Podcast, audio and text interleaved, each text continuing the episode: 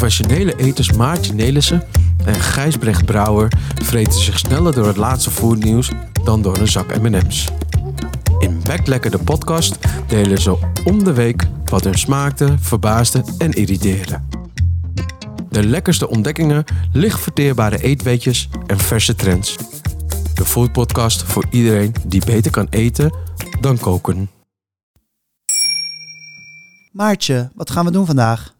Komende 30 minuten hebben wij het over Snoop Dogg's nieuwe snack, over depressieve vegetariërs en over waarom er geen restaurantreservering meer te krijgen is in de grote steden. En we gaan Belgische mayo proeven. Ken jij krokodillen? Krokodillen ken ik, ja. Wat dan? Ken je het in de context van een kroeg of een beetje een foute kroeg? Nee? Um, het, is een, het is eigenlijk een drankspel. Net zo, dat, dat spel wat je vroeger speelde, net zoals Dr. Bibber, heb je zo'n spel. Heb je ook krokodillen? Moet je al die tanden moet je zo tandjes, indrukken. ja. Dan klapt hij ineens zo dicht, zeg maar. Ja. En eh, dan heb je verloren. Nou, als je dus dit in de kroeg doet, dan heb je datzelfde krokodillenbek, heb je, of diezelfde krokodillenbek. En dan staan er allemaal shotjes omheen. Tien verschillende shotjes. En elke keer als die bek dicht klapt, moet je dus één van die shotjes drinken. En dat doe je dan met z'n vijf eromheen of zo. Ik heb, ik heb echt nu al FOMO. Heb jij dit gedaan? Ja, ik heb dit dus, ik heb dit dus gedaan. En ik had dus onder andere eh, boswandeling, vlugel, sambuca, goldstrike, Jägermeister. Het hield eigenlijk niet op. Oh, heftig. Maar even serieus, boswandelingen. Ik heb dat denk ik 20 jaar niet gedronken. Nee, dat is niet waar. 10 jaar niet gedronken. Maar het is stiekem best lekker. En ik denk ineens, zou het niet tijd worden voor een soort van de natuurlijke lokale makers boswandeling? Ja, nou, die- Met ingrediënten uit Amsterdamse bos. Ja, nou dat heb je dus wel nu met, eh, met al die dropshots. Daar komen ineens Ja. hele chique varianten van. Die gaan we nog een keer proeven in onze eh, kermis in je bek. Lijkt me een goed idee. Nou, wat er dus gebeurde. Ik speel dat spel op een maandag notabene. Ehm, en eh, ik heb de eerste keer doe ik dus die tand en die klap dicht. Dus ik begon inderdaad met een boswandeling. Ik denk. Dus dat de regel is, als je dus hebt verloren, moet je weer. Dus je bek weer open, weer eentje ingetikt, weer dicht. Nou, dit gebeurde dus dan een sambuca, vind ik sowieso heel goor. Oh, dat Sambuca. ik ook heel goor. dat ging dus zes keer achter elkaar fout. Wauw. En ik dacht, dat is gewoon statistisch onmogelijk. Weet je, dat is, hoe kan ik zes keer achter elkaar moeten zuipen? Ik was een soort van, van, van doorgestoken kaart of zo, ik weet het niet. Wauw. Het, ik vind wel, het is echt hilarisch. Maar jij hebt het dus op maandagmiddag in de kroeg gedaan. Als ik het goed begrijp. Nee, nee, nee, het was maandagavond. Oké. Nou, het klinkt, het klinkt wel echt hilarisch. En ook heel gevaarlijk. Helemaal met de pech die je hebt gehad. Ja, het was ook, ook nog eens zakelijk. Dus. Oké. wauw. En jouw nieuws? Nou, ik was dus ook zakelijk eh, uit eten met mijn eh, eh, zakenpartner Willem en onze aanhang. En dat bracht mij in mijn hometown in Arnhem. Ehm, dus we gingen er echt even voor een heel leuk avondje, avondje uit. We gingen naar Studio Konijnenvoer. Toevallig in diezelfde week was het net gerecenseerd door Joël Broekaert van het NRC. Ah ja, die good old krant. Wie leest hem niet?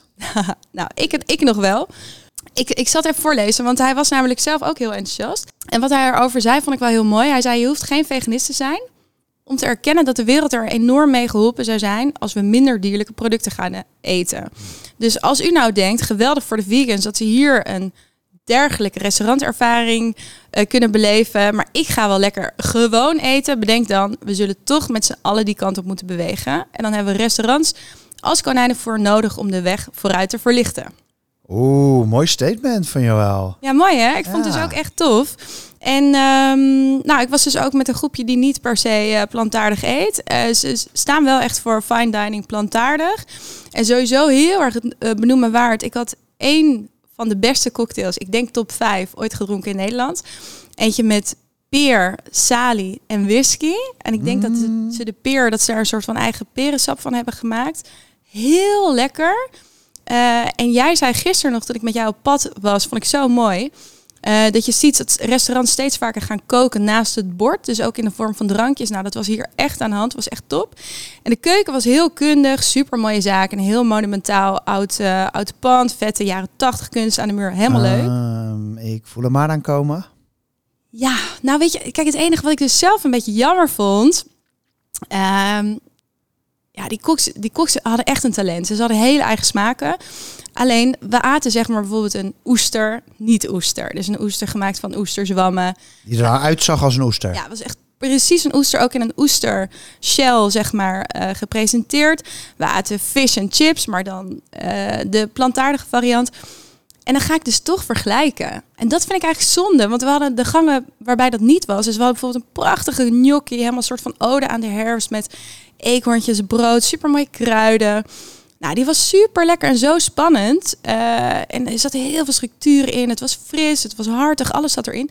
Dus ik denk, ja, hoe knap het ook is dat je die oester kan namaken. Ik ga het dan toch vergelijken. En ik dacht, moeten we daar niet vanaf met plantaardig? Ja, ik vind uh, kopietjes zijn echt niks nieuws meer. Weet je, dat, uh, dat hebben we zo lang geleden al gedaan. Denk gewoon originele gerechten, daar moeten we het mee doen. En um, over nieuws gesproken. Tijd voor foodnieuws. Foodnieuws. Maar eerst even dit, uh, Maartje, voor onze luisteraars. Ik roep ze toch nog even op. Ik doe dat natuurlijk elke keer, dus ik probeer elke keer weer een iets ander tekstje erbij te verzinnen. Kom op, laten we het nog een keer doen. Jullie weten ons te vinden en hebben ons de afgelopen twee weken almas gevonden op Spotify, Apple en Google. Dat is echt heel tof. Daar wil ik je ook echt even voor bedanken. We hebben heel veel nieuwe volgers erbij. Dat vinden wij dus ook echt heel fijn. Dus als je dat nog niet gedaan hebt, doe dat dan even. Druk even op het belletje bij Spotify of op volgen bij die twee andere apps. Dan groeien wij en dan uh, kunnen we nog langer en beter deze toffe podcast blijven maken. En dan uh, kunnen andere foodliefhebbers deze podcast ook makkelijker vinden. Als jij nou een ambassadeur zou uitzoeken voor een chippy met wiet erin, wie zou je dan kiezen? Snoop Dogg. Without a doubt. Without a doubt. Ja. Dog. Ja, dat kan je natuurlijk niet missen. Niet missen. Um, nee, dat, dat, ja, dat, ja, hij treedt natuurlijk op en weet je, hij komt nog zelfs, hij komt zelfs toen nog in Nederland. Je ziet hem soms als, als soort van zelfs 3D hologram staat hij op te treden. Nog echt super actief in de muziek, maakt ook nog nieuwe muziek.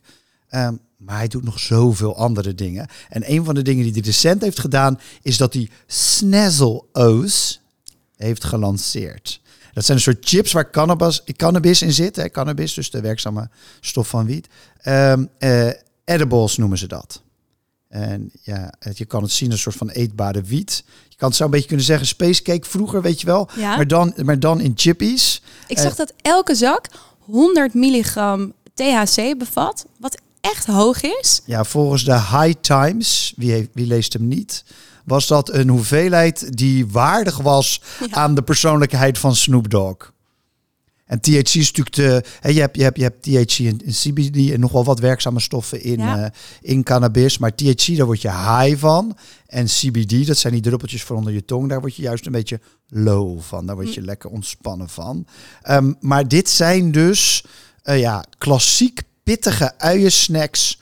Um, een soort funyuns waar je high van kan worden. Ja, wat, wat is dat nou ook alweer, die funyuns? Ja, als je ze ziet, dan herken je het meteen. In Nederland noemden we die de, de ringlings. Ja, dat zijn een soort van je hoepeltjes. Beetje ja. zo groot als je je duim en je wijsvinger bij elkaar doet. Die uh, ja, van ui gemaakt zijn. Gewoon de smaken ook super naar ui.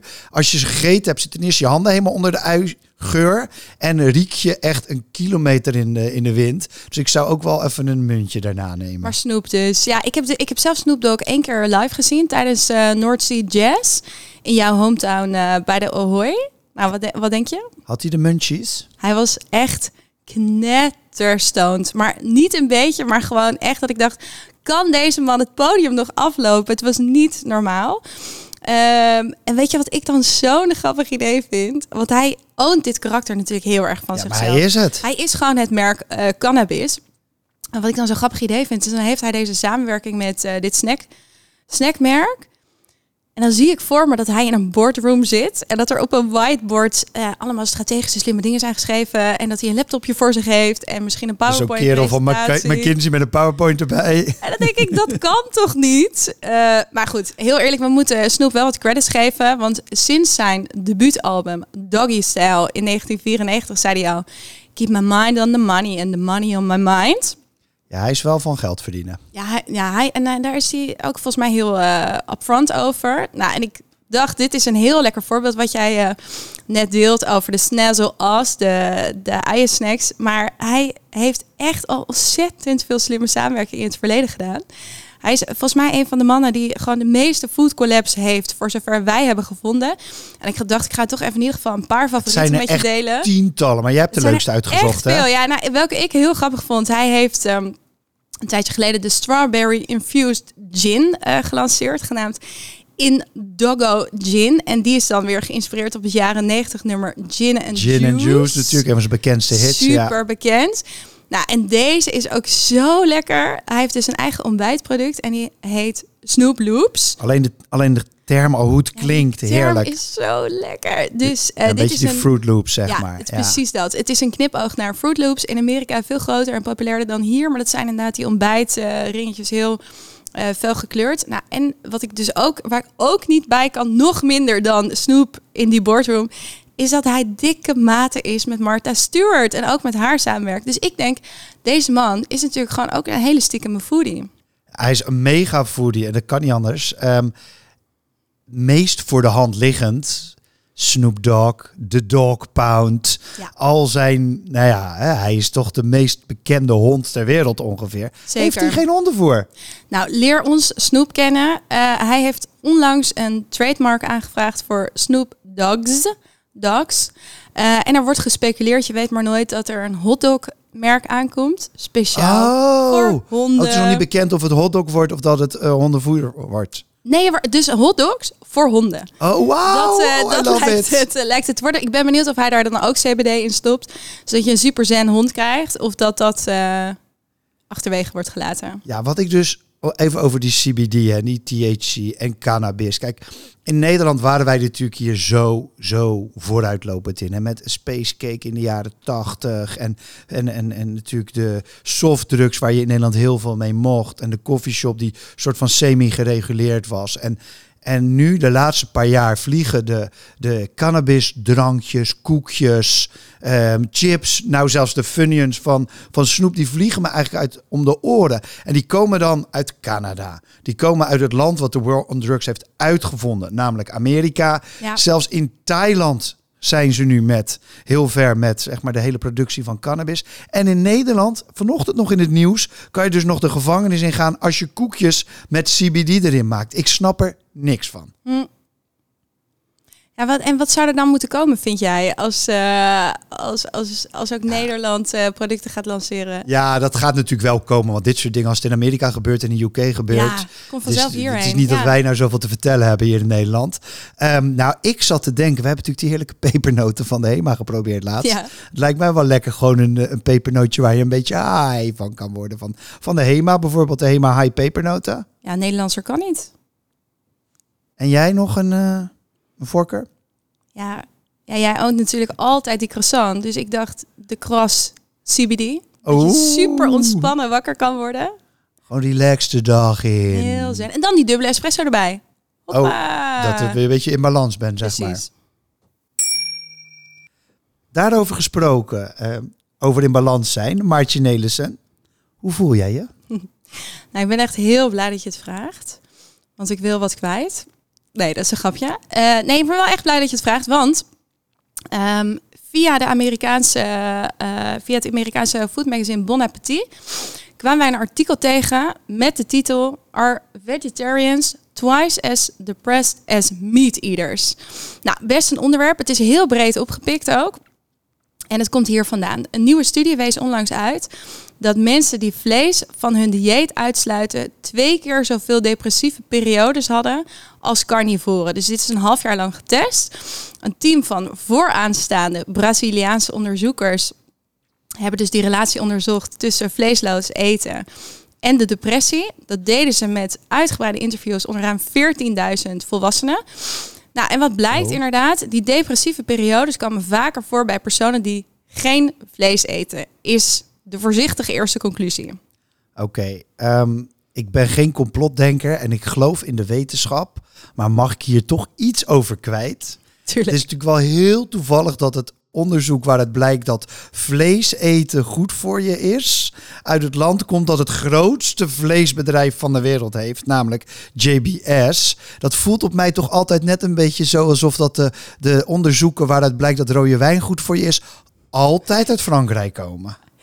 Ja, ik, ik denk een terechte vraag. Er zijn nog sowieso best wel wat vragen over dit onderzoek.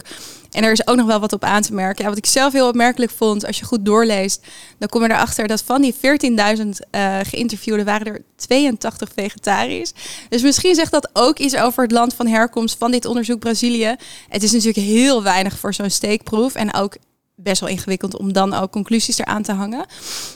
Um, de wetenschappers weten trouwens ook nog niet wat die verrassende relatie nou veroorzaakt. Want er is dus wel een relatie tussen geen vlees eten en die depressie. Wat wel al is uitgesloten, is dat het zou kunnen gaan om voedseltekorten, uh, sociaal-economische omstandigheden en leefstijlfactoren. Maar heel eerlijk, ze zijn nog wel even zoet. Uh, ja, ze zijn nog even zoet of, e- of, even hartig. Um, ja, als je dit natuurlijk op Twitter zet, dan weet je dat het losgaat. Hè? Dus, Wat uh, heb je gevonden? Ik ben toch even rond gaan kijken. En dan is natuurlijk de eerste opmerking en de logische opmerking. Die is, ja, ik zou ook depressief worden als ik mijn burgertje niet mocht eten. Um, maar er zijn ook wel wat mensen die wat verder nadenken erover. En één, dat is, die, die vond ik wel aandoenlijk, die zei van... misschien is het wel zo dat vegetariërs gewoon beter doorhebben... dat het gewoon heel slecht aan het dierenwelzijn gesteld is... en dat die hele wereld naar de kloten gaat... omdat wij met z'n allen dat vlees zitten te eten. En dat ze daarom gewoon wat depressiever zijn. Dus misschien ligt oorzaak en gevolg wel andersom. Ja, dat is, dat is best wel een interessante gedachte. Nou, ik dacht, we contacten even Jaap Seidel over dit onderwerp. Jaap is een enorme eindbaas. Hij is namelijk hoogleraar voeding en gezondheid aan de Vrije Universiteit Amsterdam. Uh, en weet ontzettend veel van dit onderwerp. Jij volgt hem volgens mij ook al een hele tijd. Ja, ik volg Jaap al echt een tijd op, uh, op Twitter. En hij, deelt, hij doet veel in de media, hij deelt veel kennis. En hij heeft echt overzicht hierover. En wetenschappelijk. En dat, ik zei het net ook, ik ben geen complotdenker. Dus daar ben ik altijd wel blij om. Als iemand met een beetje wetenschappelijke statuur hier iets, uh, iets van kan vinden. Er is veel onderzoek gedaan naar voeding in relatie tot depressie en angststoornissen. Voedingsonderzoek is heel erg ingewikkeld. Je kunt het moeilijk in allerlei experimentele studies doen. Dus wat er meestal gebeurt is dat mensen in grote studies vragenlijsten invullen en dat er dan wordt gekeken of mensen depressief zijn of angststoornissen hebben. Er is heel veel van dat onderzoek bekeken. Uh, en over het algemeen komt daaruit dat mensen die voldoende groente, fruit, vis en volkoren graanproducten eten, dat die een verminderd risico hebben op depressie. Maar er zijn ook onderzoeken die laten zien dat mensen die minder vlees eten of geen vlees eten of veganistisch zijn, dat die juist meer depressie hebben. Uh, dat is wel lastig uh, onderzoek om te interpreteren. Er zijn natuurlijk allerlei mogelijkheden uh, die aangeven waarom mensen minder vlees eten. Dat kan zijn doordat ze arm zijn, armoede hebben, allerlei andere problemen hebben. Het kan ook zijn dat mensen die depressief zijn hun voedingsgewoontes veranderen en dat uh, de lage vleesinname juist het gevolg is van depressie en angststoornissen en niet de oorzaak. En daarom is het belangrijk dat er veel meer experimenteel onderzoek wordt gedaan. En daarmee bedoel ik eigenlijk dat mensen uh, bepaalde voedingsgewoontes krijgen aangeboden uh, in vergelijking tot een uh, normaal voedingspatroon. En dat je dan geleidelijk aankrijgt of hun stemming en zo verbetert. Er zijn wat studies gedaan die laten zien dat omega-3 vetzuren en een aantal vitamines en mineralen dat die wel een beetje kunnen helpen bij het verlichten van symptomen, maar dat is toch maar een klein effect. Dus over het algemeen kun je zeggen, uh, er is geen reden om uh, te zeggen je mag geen of je moet geen vlees eten omdat je daardoor depressief wordt. Uh, die aanwijzingen zijn echt veel te zwak. Over het algemeen kun je wel zeggen, zorg ervoor dat je wel, als je vegetarisch of veganistisch eet, dat je dan voldoende voedingsstoffen binnenkrijgt. Dus ook vitamine D en ijzer en omega-3 vetzuren. Dat kan met suppletie als je daar zorgen over hebt, maar het kan ook door een, hè, zoals het Engels mooi heet, een whole foods plant-based diet te gebruiken. Dat wil zeggen dus geen geraffineerde producten. Want een veganistisch dieet kan natuurlijk ook gewoon bestaan uit witte rijst, cola en koekjes. Uh, en dan ben je nog niet uh, heel veel verder. Uh, dus baseer je vooral op groente, fruit, volkoren graanproducten, bonen, pulvruchten, noten. dat soort zaken als je veganistisch bent. en zorg voor een supplement wanneer je daar zorgen over maakt. Ja, heel veel dank aan Jaap Seidel voor zijn inbreng. Mijn broertje die belde mij dus van de week. Ehm, ik zou zeggen in paniek, maar overdrijf ik een klein beetje, maar het is wel leuk voor het verhaal.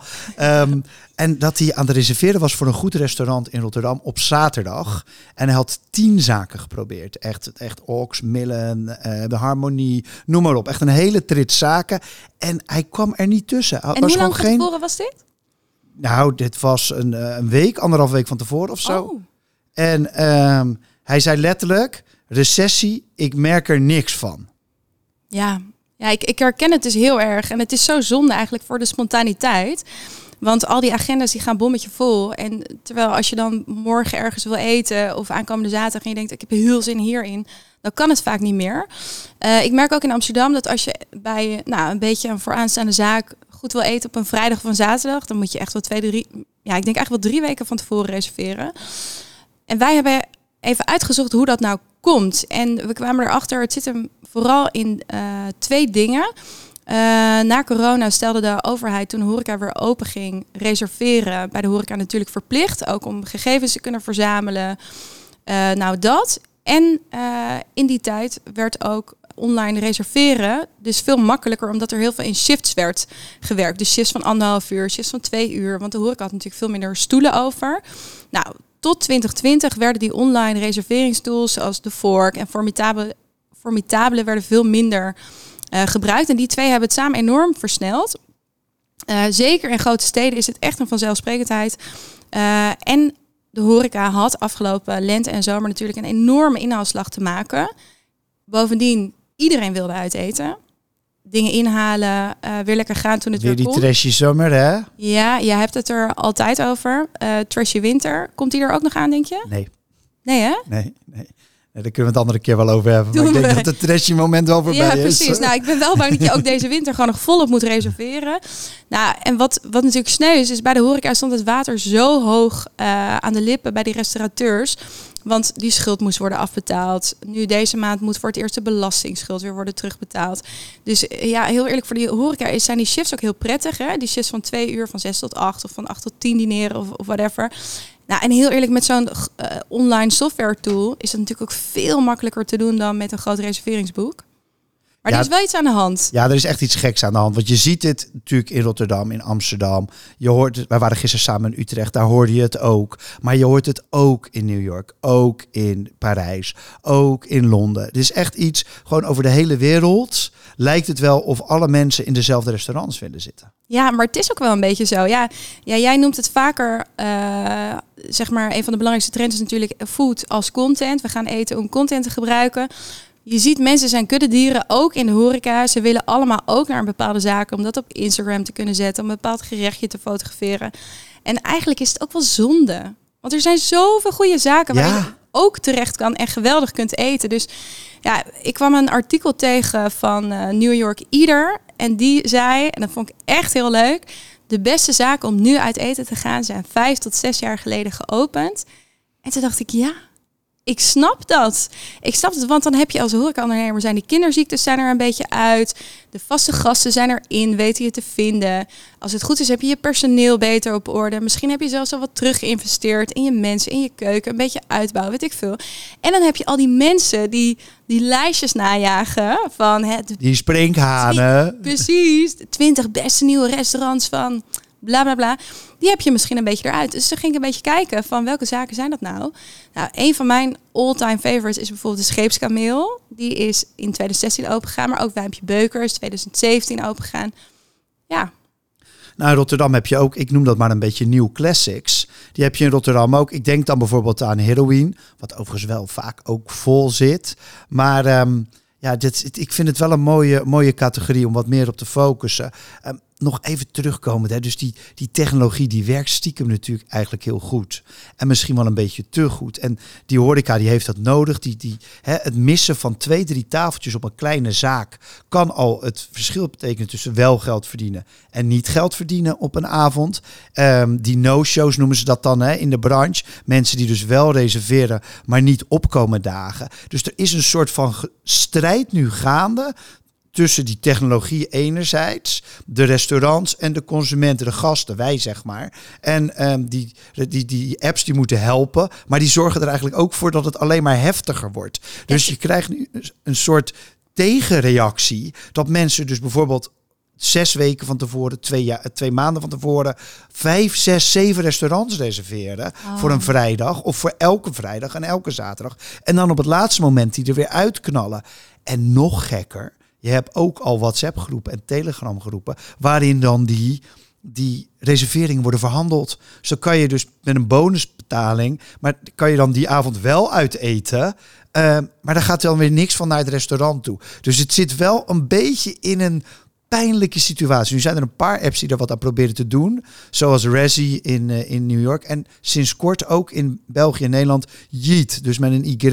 en van you niet. Eat, Yeet. En eh, daar zie ik nu de eerste zaken bij komen. Dan krijg je een ping van een restaurant waar een tafeltje vrij valt. Dus als je dan op vrijdagavond Ja. zit je gewoon thuis voor een kroeg. En dan krijg je ping. Hey, restaurant Tres heeft een tafeltje. Ja. Jij blij en het restaurant blij. Ja, maar Dus dat vind ik ook echt win-win, weet je wel? Want ik, ik vind het dus ook wel echt, want jij vertelde mij dit inderdaad van de week, dat inderdaad in New York ook bepaalde restaurantreserveringen bij echt vooraanstaande restaurants waar je gewoon het hele jaar niet eh, tussen komt, dat die dan echt voor goed geld worden verhandeld. Ik denk, jeetje, waar gaat het heen? Maar ja, we- kijk, we kunnen het ook nog simpeler doen.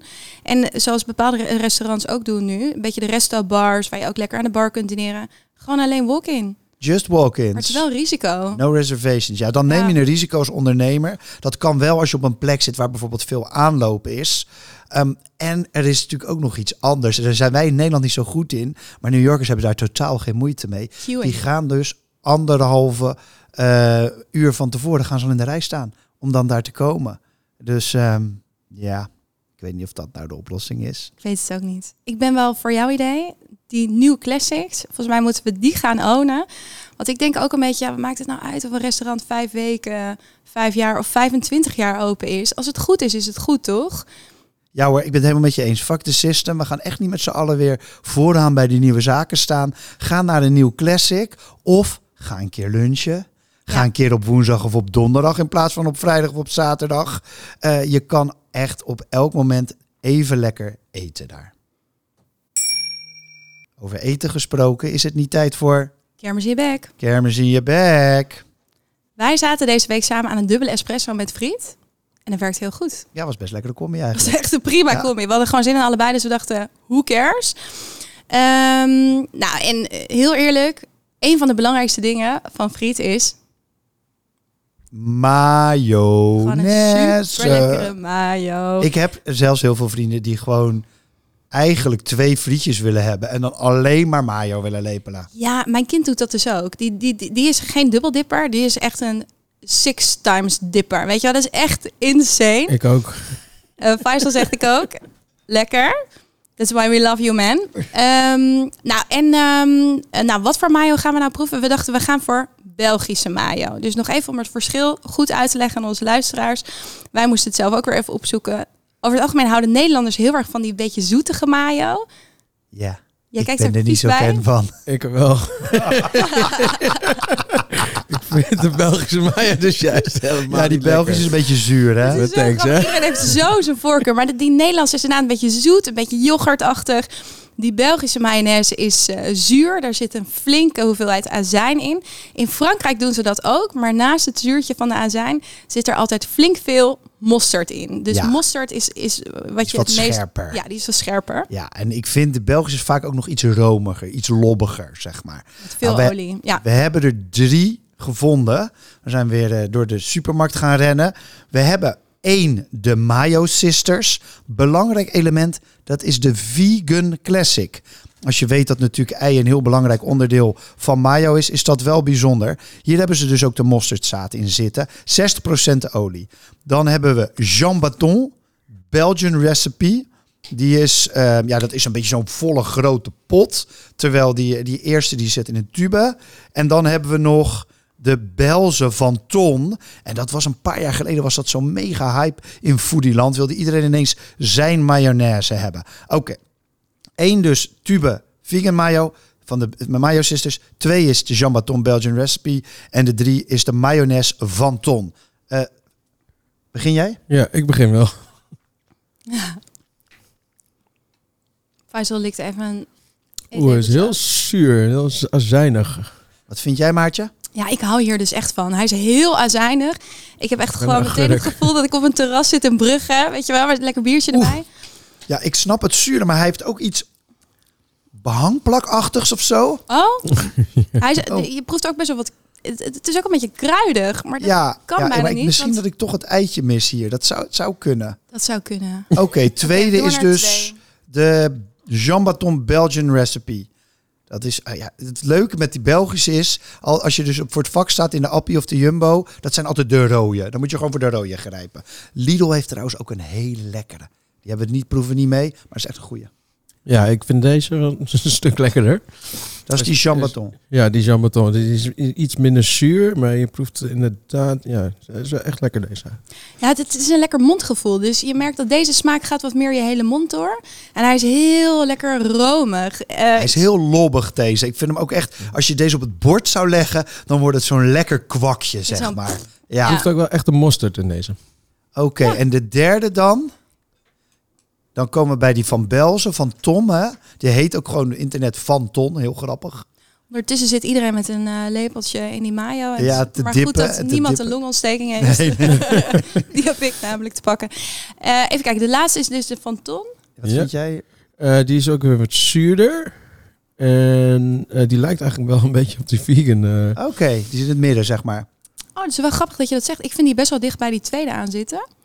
Wat, wat, is, wat smaakt het nou anders? Ik vind dit, ik vind die derde, de, die, die van Ton, echt de lekkerste. Die heeft een soort van die precies midden tussen dat frisse en toch dat lobbige. Hij is frisser dan die Ja. tweede. Ja, oké. En ehm, oké, winnaars jongens. We hebben dus vegan, baton en van ton.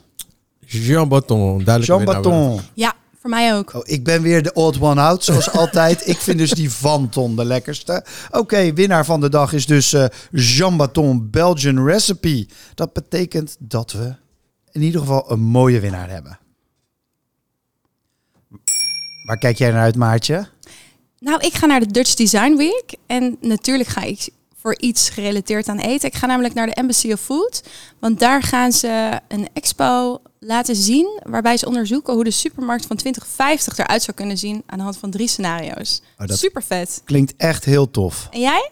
Ehm, nou, ik kijk uit. Ik had natuurlijk al iets in mijn keuken gedaan met die Arke Carbonetter. Hè. De vorige moet je aflevering 8 maar luisteren. Ik heb nu nog iets in mijn keuken. Ik ben gaan fermenteren. Oh, Eh, ik heb een boek gekregen van Sanne Zwart, Zuurgoed heet dat. ja. En eh, ik heb dus nu iets statisch te fermenteren, groenten op mijn aanrecht. Dus ik ben heel benieuwd of dat überhaupt een beetje lekker gaat smaken. Dus daar kijk ik wel naar uit.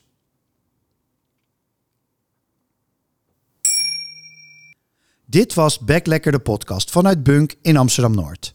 Dank aan Gold Kimono voor deze lekkere tune. En natuurlijk aan Faisal voor de productie en het meeproeven. Vergeet niet onze podcast te raten in je favoriete podcast-app. En heb je nog goed foodnieuws? Laat het ons vooral weten via Instagram, Twitter of LinkedIn. Je vindt ons daar als je zoekt op Back Lekker de podcast. Tot over twee weken. Tot over twee weken. Electric swing.